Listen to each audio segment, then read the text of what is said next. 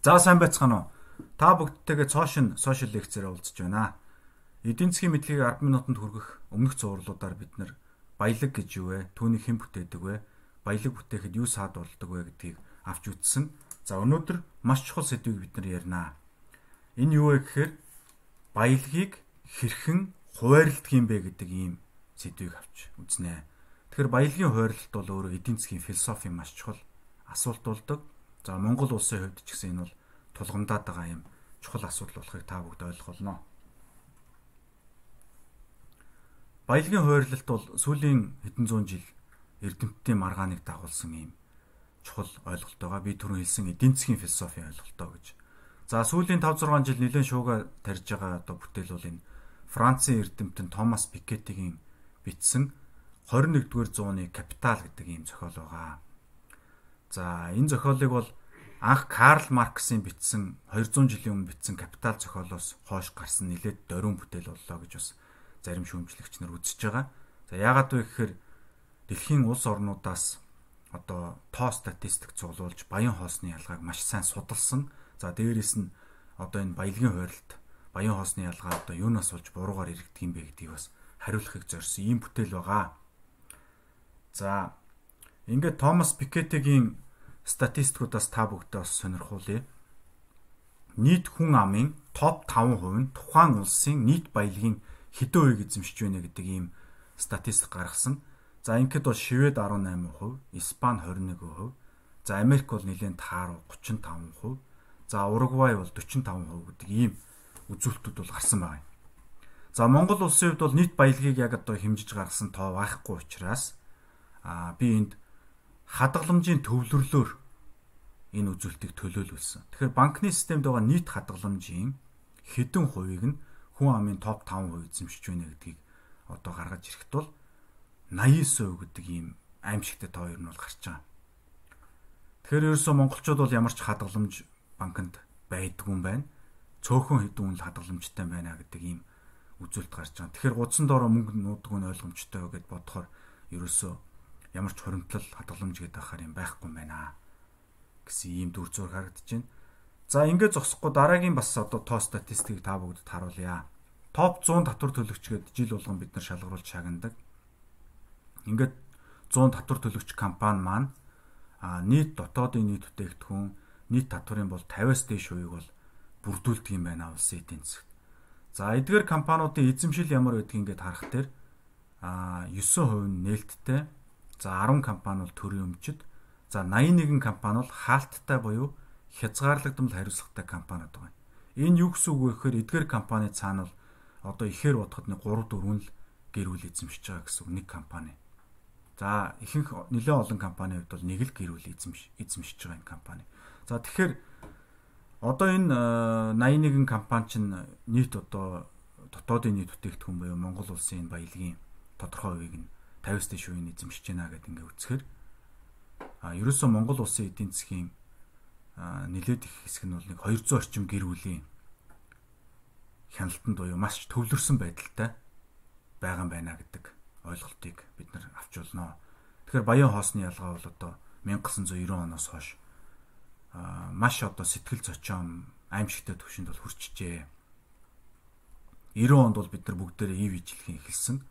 За одоо ингээд 30 жилийн дараа эдийн засгийн одоо бодлого байхгүй, эдийн засгийн философи байхгүй, а төр нь ажиллаа хийж чадахгүй болохоор ямар дүр зураг гарч байна гэдгийг саяны хоёр слайдаар тавыг харчиж байгаа хаа. За ийм нөхцөлд очихоор одоо яагаад би энэ маш аимшигтай дүр зураг вэ гэж хэлээд байгаа вэхээр энэ бол эдийн засгийн тогтворгүй байдлыг бий болгодог. Энэ бол үндэсний аюулгүй байдалд аюул занал хэл учруулдаг. Явандаа энэ одоо маш их буруу үзэгдлүүдийг дагуулдаг, ард түмэн хоёр хуваагддаг, чөлөөт зах зээл ганхдаг, ардчлал бол худалдагддаг тийм ээ. Аа ерөөсөө энэ ардчлал байж бол хамгийн муу үр дагавар бол ерөөсөө энэ баялагын баян хоосны хэд ялгаанаас бол үүсч бий болдгоо. За мэдээж энэ нөхцөл байдалд одоо тэр банкнд хадгаламж эзэмшиж байгаа тэр мөнгөтэй хүмүүс эсвэл одоо энэ дотоодын нийт бүтээгдэхүүнийг бүрдүүлээ явж байгаа нэг 200 орчим гэрвэл буруутай бол биш ээ. А энэ бол төр засаг эдийн засгийн энэ баялагын хойролтын философиг мэдхгүй ойлгохгүй 30 жил явсны л зүгээр үр дагавар. Одоо засгал тухайн асуудал ярина. За тэгэхээр баялагыг яаж хойролдог вэ гэдгийг хэдүүлээ авч үзье.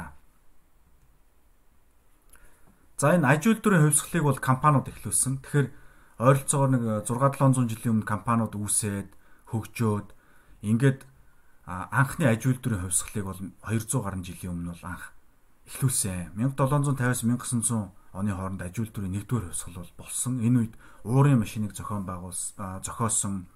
За одоо галт тэргийг зохиосон. Тэ анхны одоо телефон, телеграф харилцаанууд бий болсон цахилгааныг нээсэн, гэрэл чийдэнг нээсэн.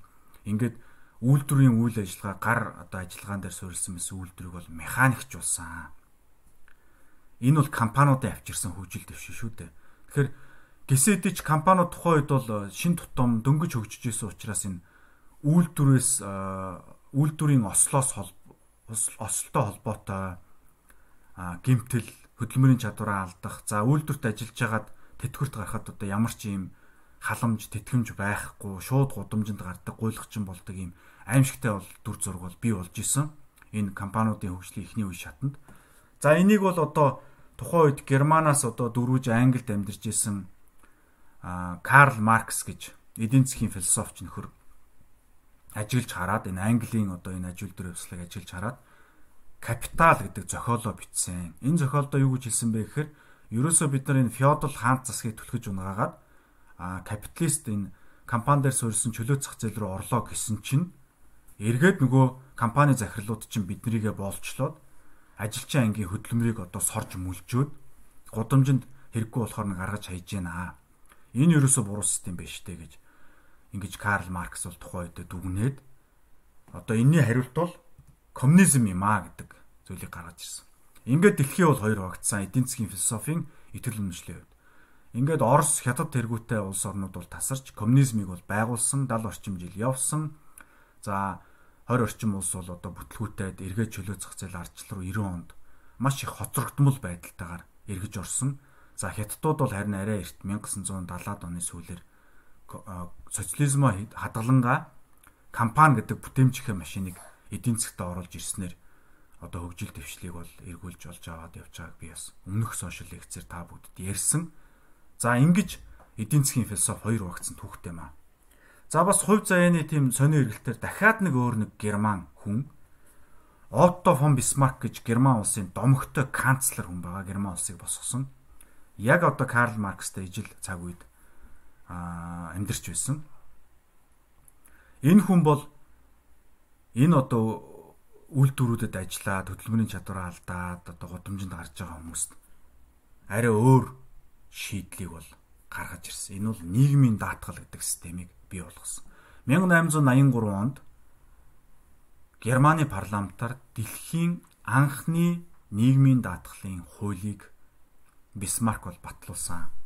Ингээд энэ хуулийг бол бүх улс орнууд хуулж авснаар орчин үеийн нийгмийн даатгалын систем тэтгэвэр, тэтгэмж, халамж гэдэг одоо үгнүүд эдийн засгийн үгсийн санд бол орж ирсэн. За ингээд Отто фон Бисмаркийн нийгмийн даатгал бол баялагийг хуваарлах өөр системийг бий болгож энийг нь Англи, Америк тэргүүтээ улс орнууд авч явж өнөөдөр дэлхийг ноёлж байна. За Карл Марксийн гаргасан хүн ерөөсөө хувьдаа өмчтэй байх хэрэггүй юм байна. Хүн хувьдаа бизнес хийнэ гэдэг чинь тэгэл одоо капиталист ийм гахаа болж бусдын хөлсийг сорж мүлждэг юм байна. Тэгэхээр бүх өмч бол улсынх байх ёстой гэдэг энэ коммунист үзэл санаа бол нөгөө тал руу явж 70 жил туршаад батлагдаж одоо болоогүй энэ бол болохгүй юм байна бүтэхгүй юм байна гэдээ батлагдаад эргээд одоо Отто фон Бисмаркийнхаа систем рүү бүгд ороод явж байгаа. За Монгол улс бол коммунист лагерыг дагаж ингэж явсан 90 онд одоо эргээд явж байгаа л ийм ард тум байгаамаа. За энэ юу вэ гэдгийг сайн харъя. За баялагийг яаж хуваарлах юм бэ? одоо баялаг яаж бүтээгддэг вэ? Хэн бүтээдэг вэ гэдгийг бид нэр ирсэн. Баялагийг компаниуд бүтээдэг. За тэгвэл баялагийг яаж хуваарлах вэ гэхээр хүмүүс нэг олигтой хариулт өгч чаддаггүй шүү дээ. Тэгвэл одоо хэдүүлээ тэрний нууцыг тайлах гэж. Нөгөө л баялагийг бүтээдэг компани гэдэг институц дээр л очино. За компани яаж байгаа? Бүтээгдэхүүн үйлдвэрлээд зарж байгаа. Энийхээ хариуд орлого олно. За энэ орлогыг л хуваарлах тухай асуудлыг баялагийг яаж хуваарлах вэ гэж яриад байгаа юм шүү дээ. Энэ орлогыг л одоо яаж хуваарлах вэ, тэ? За компани бол яаж байгаа гэхээр энэ орлогоо ажилтнуудад цалин байдлаар бол хуваарлаж байгаа. За улсад бол татвар хэлбэрээр төлж байгаа. За ажилтнууд энэ цалингчин аваад яах вэ гэхээр амьдрал ахуйдаа зарцуулна. Баялагын тодорхой хувийг авч ийн гэсэн. За улс татвар аваад яах вэ? Эргээд эмч, багш, цагдаа, шүүгч одоо юу гэдгийг тэ а гал сөнөөгч энэ бүх хүмүүстэй цалингийн олгоно. Тэгэхээр компани ч өөрөө баялаг үйлдвэрлэдэг цорын ганц механизм үед ингэж таардаг. За дахиад болоогүй орлогын үлдсэн хэсгийг бид нар ашиг гэж нэрлэдэг. Энэ ашигыг хэн хүртдэг вэ гэхээр компанийн эзэн хүртдэг. За ингээд баялаг бол үндсэндээ татвар, цалин, эзэнд ногдох цэвэр ашиг гэдэг ийм гурван байдлаар хуваарлагдаж байгаа. За Монголын топ 100 компани 200 орчим гэр бүл эзэмшдэг гэхээр тэр 100 компани чинь цалин татвараа төлчөөд улсад за нэг 200 орчим гэр бүл үлдсэн ашигаа авдаг байна.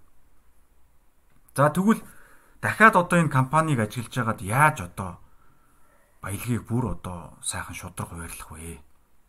Одоо эн чинь тийм биз дээ. Нэг хэсэг нь үгээгүй ядуу. Нэг гэдэг нь нэг хэсэг ч багтай эн чинь баг 99 одоо 100000 9999 нин ядуу. Тэгэд маш жоохон хувь цөөхөн идэхэн баян ийм улс бол тогтохгүй шүү дээ. Энэ бол удаан үндсээ дархлаагаа хадгалж чадахгүй ойлгомжтой. За тэгвэл цалингаа нэмээ гэж шаардах юм уу? Татврыг одоо бүр дараатал нь аваад одоо яахын төр компаниудын бүх орлогыг хурааж авч байгаад хуваах юм? Гэхдээ энэ систем чинь социализм коммунизмаар болохгүй гэдэг нотлогдчихлоо шүү дээ. Болсонгүй те. За тэгвэл магадгүй та бүгд одоо манай ухаантай үзэгчид зарим нь аль хэдийн бодоод олцсон байж магадгүй. Энэ компаниудын эзнэр ард түмнийг болгочихё.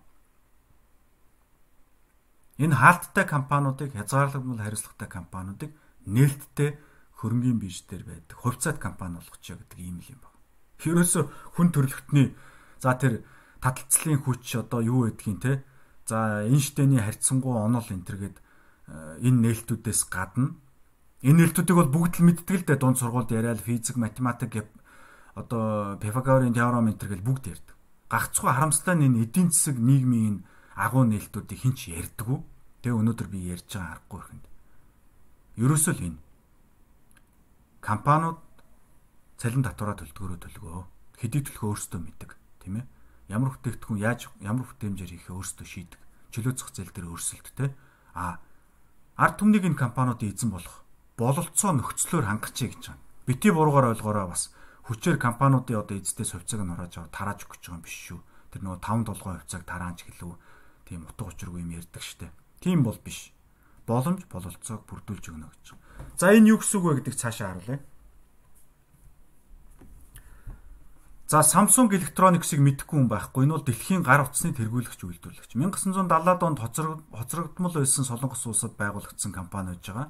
Тэр үед за 1990 онд ч юм уу 2000 онд очоод Америкт очоод за Samsung удахгүй дэлхийн хамгийн том технологийн компани болно гэхэд бол хүмүүс одоо илгэн хөшж өгөх байсан баг. Одоо тэгээд яах вэ? Компани гэдэг чинь агуу бүтээмжийн машин юм чинь. Солонгосын засгийн газар компаниудаа дэмжиж чадсан байна. Samsung юмаа хийж чадсан байна. Тэгэхээр яасан байна? Samsung Electronics 300 тэрбум долларын компани болсон байна өнөөдөр. Монголын эдийн засгаас 30 дахин том компани болсон байна. За хэн одоо энэ компанийг эзэмшдэг юм бэ? Энэ баялагийг нь хэн хүртээд хуваагаад байна гэдээ харах дээр үүсгэн байгуулагч лигийн гэрвэл ердөө 3% л эзэмшиж байна. За компани дийлэнх хувь буюу 70%-ийг нийгмийн даатгалын сангууд эзэмшдэг байх юм аа. Хөрөнгө оруулалтын сангууд эзэмшдэг юм байна. Тэгэхээр энэ одоо үнэхээр агуу биш гэж юу? Солонгос улсын эдийн засгийн урагш нь чирж яваа дэлхийн зах зээл дээр гаргаж Samsung Electronics шинээр Америкуудад, монголчуудад, хятадуудад Samsung-ийн S10, S9 гар утас зарах тоолн тэр орлого хэний карманд орж байна. 3% л үүсгэн байгуулагчд орж байна. Үлдсэн 97% Солонгосын ард түмэнд төрөл бүрийн сангуудаар дамжиж ноогдож байна. Тэгэхээр энэ нөгөө нийгмийн даатгалын сан гэдэг Отофон Бисмаркийн гаргасан сан маань энд холбогдож байгаа маа. Ингээд би цааш нь тайлбарлаж өгье. За ингээд одоо ингээд иргэд та бид нар байна. Та бид нар яадаг вэ гэхээр цалин авдаг. За энэ цалингийнхаа 20% бол нийгмийн даатгалын санд бол төлдөг сар болгон. Ажил олгогчоос 10% компаниас а та өөрөөсөө 10% нийлээд бол яг үнэндээ эцсийн дүндээ та өөрөө л төлж байгаа шүү дээ. 20% төлж байгаа. За энэ төлж байгаа мөнгө чинь жилийн 1.4 их найт төгрөгийг Монгол улсын нийгмийн даатгалын ерөнхий газар төлрүүлдэг байх нэ. Нийгмийн даатгалын санд.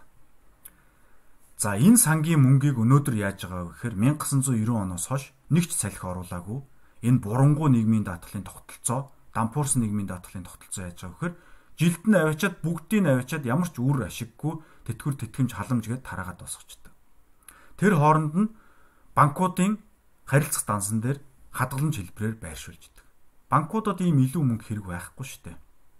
Өнөөдөр мөнгө хинт хэрэгтэй байгаа гэж бид нар үзлээ компаниудад компаниудад урт хугацаатай хямд хүүтэй санхүүжилт их усэр хэрэгтэй байна гэж бид өмнөх сошиал лекцээр үзчихсэн. За ингээд энэ нийгмийн даатгалын санд төвлөрсөн мөнгийг одоо фон Бисмаркийн систем шүү дээ. Одоо тэр Samsung Electronics энэ Америкийн, Английн бүх компаниудын одоо хэрэгжүүлж байгаа систем. Хаалттай компани хувьцааг хөрөнгөний зах зээл дээр худалдаж авч нээлттэй болгоод а ард түмэн нийгмийн даатгалын сангаар дамжуулж топ корпорациудынхаа хувьцааг эзэмшиж байгаа.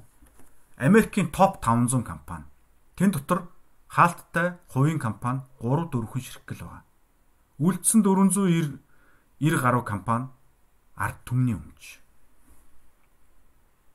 За би нэг жишээ ярил л да. Оюу толгой төсөл. Оюу толгой төсөл бол хувьцаа нь а Канадад Америкт арилжаалагддаг. Нээлттэй компани шүү дээ. Оюу толгойн хувьцааг өнөөдөр монголчууд Гонконгийн юм уу Америкийн хөрөнгөний бирж дээр очиод худалдаж авч болно. За тэгвэл оюу толгойн хувьцааны бас томоохон хэсгийг Америкийн Калифорни мужийн дунд сургуулийн багш нарын нэгдсэн тэтгэврийн сан эзэмшдэг. За энэ мэдээллийг та бүгдэд өгвөл та бүгдтэй гайхгүй. Тэгээ ийм л байна. Тэгэхээр багш нар яах нь вэ? Цалингаасаа нийгмийн даатгалын санд мөнгө төвлөрүүлээд энэ нь бүр хаа байсан Монголд очоод уул уурхайн төслийн хувьцаа эзэмшээ явж байгаа. Ингиж одоо иргэд хувьцааг эзэмшдэг юм.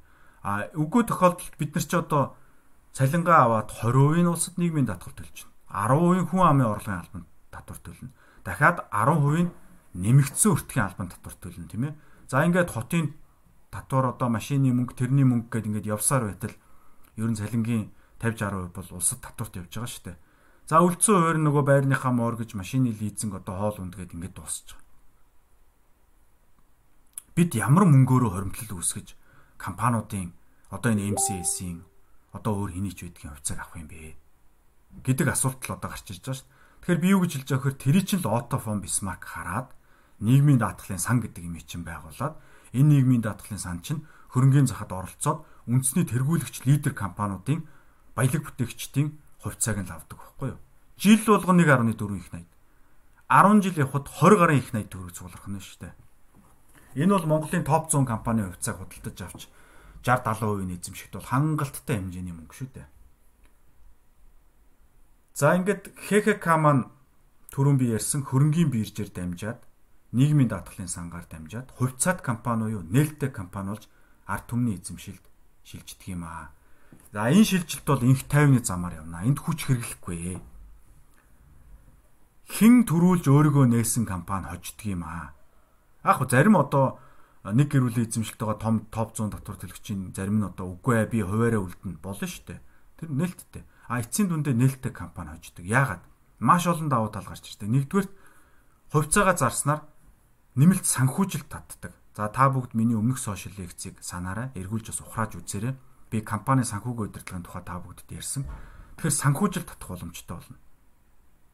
За хоёрдугаарт нээлттэй болсон учраас одоо корпорацийн засаглал бол хамгийн сайн түвшинд очино. Ингээд танай компани чинь бүтээгдэхүүний хэрэглэгч хүмүүс эргээд танай эзэн болдог. Ингэснээр компани борлуулалт бол одоо маш их өндөр дүнгээр нэмэгддэг. За ингээд цаашаа маш олон давуу тал байгаа. Энэ бүгдийг одоо ярьж та бүгдийг залхаагаад яг дараа нь хөрөнгөний захын талаар тусдаа сошиал лекц уншихтаа ярья. За Samsung-ийнхаа одоо графикийг эргээд харъя. Солонгосын ард түмэн нийгмийн даатгалынхаа сангуудаар дамжуулаад 70% нь энэ компанийнхаа 70% эзэмшиж байна. Баялгаас нь хуваалцж байна. За ингээд Монгол улсын нийгмийн даатгалын сангийн одоо реформыг хийх зорилгоор аа энэ одоо хөрөнгө оруулалтын сангийн тухай хууль гэдэг имийг бас бидний хэдэн залуучууд санаачлаад 2013 онд бол Монгол улсыг хурлаар оруулж батлуулсан. За хөрөнгө оруулалтын сангийн тухай хууль бол нийгмийн даатгалын сангийн реформын эхлэл хууль байсан юм.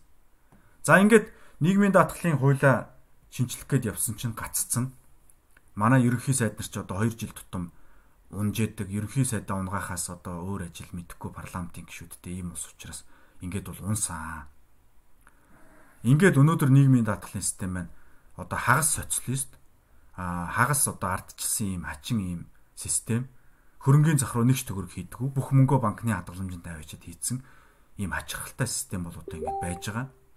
Хөрөнгө оруулалтын сангийн тухай хуулийг бол бидний хэдэн залуучууд санаачлаад хуулиа бичээд парламентаар бол батлуулсан 2013 он А 2013 онд ингэж батлуулахын тулд бол 2006 оноос хойш хөөцөлдсөн юм шүү. Өнөөдөр 2020 он болж байна. Тэгэхээр сонсогч та одоо ойлгож байгаа. Хөгжил дэвшил гэдэг ямар аимшигтай те хэрвээ одоо тэр төр барьж байгаа улс барьж байгаа хүмүүсийн тархитлагод ямар нэг гэрэл гэгээ гийхгүй бол энэ 20 жилч багтана. 200 жилч багтана штэ. Монгол үндэстэн хөгжил дэвшлийн төлөө 800 жилийн турш одоо зүтгэж байна. 1921 он тусгаар тогтнолоо болоод хөгжил дэвшлийн төлөө зүтгэсэн дэлхийд энтэй дэлхийд тэргүүлэх улс болохын төлөө тэмцсэн 100 жилийн одоо 2021 он тохиох гэж байна. Чадваргүй, урагшгүй төрийн түвшээд тэднэрт бол 5 жил, 10 жил, 50 жил юу ч биш. Тэгэхээр өнөөдөр бид нар нийгмийн даатгалын системээр реформ хийх ёстой. Тэнд жил болгон цугларж байгаа 1.4 их найт төгрөгийг бид нар топ 100 компанийхаа хувьцааг хөрөнгөний биржээр дамжуулан худалдаж авах те шудраг үнээр авна штэ шудраг үнээр худалдаж авах ийм одоо ажиллагаа бол жилээс ирэх тусамл ингээл цаг алдж байна. За ингээд энийг амжилттай хийсэн жишээнүүд бол маш олон байгаа. Би энд Чил улсын жишээг бол хэлж болж байна. Чил улс бол үнэхээр гайхамшигтай энэ нийгмийн даатгалын системээ реформ хийснээр баялагын зөв шудраг хуваарлтыг бол хийж чадсан. За Чех улсын жишээг би бас ярмаар байна. Хуучин социалист улс маш амжилттай байсан. Польш улс байна. Маш сайн хийж яваа. За Япон улс байна тий. Япон улсд бол топ компаниуд бүгд л одоо энэ сангуудын эзэмшилт байдаг. А тэнд нэг таван гэрүүл улсыг удирдах ийм асуудал бол яригддгүү. За дахиад компаниуд нээлттэй болчихоор авилгал буурдаг.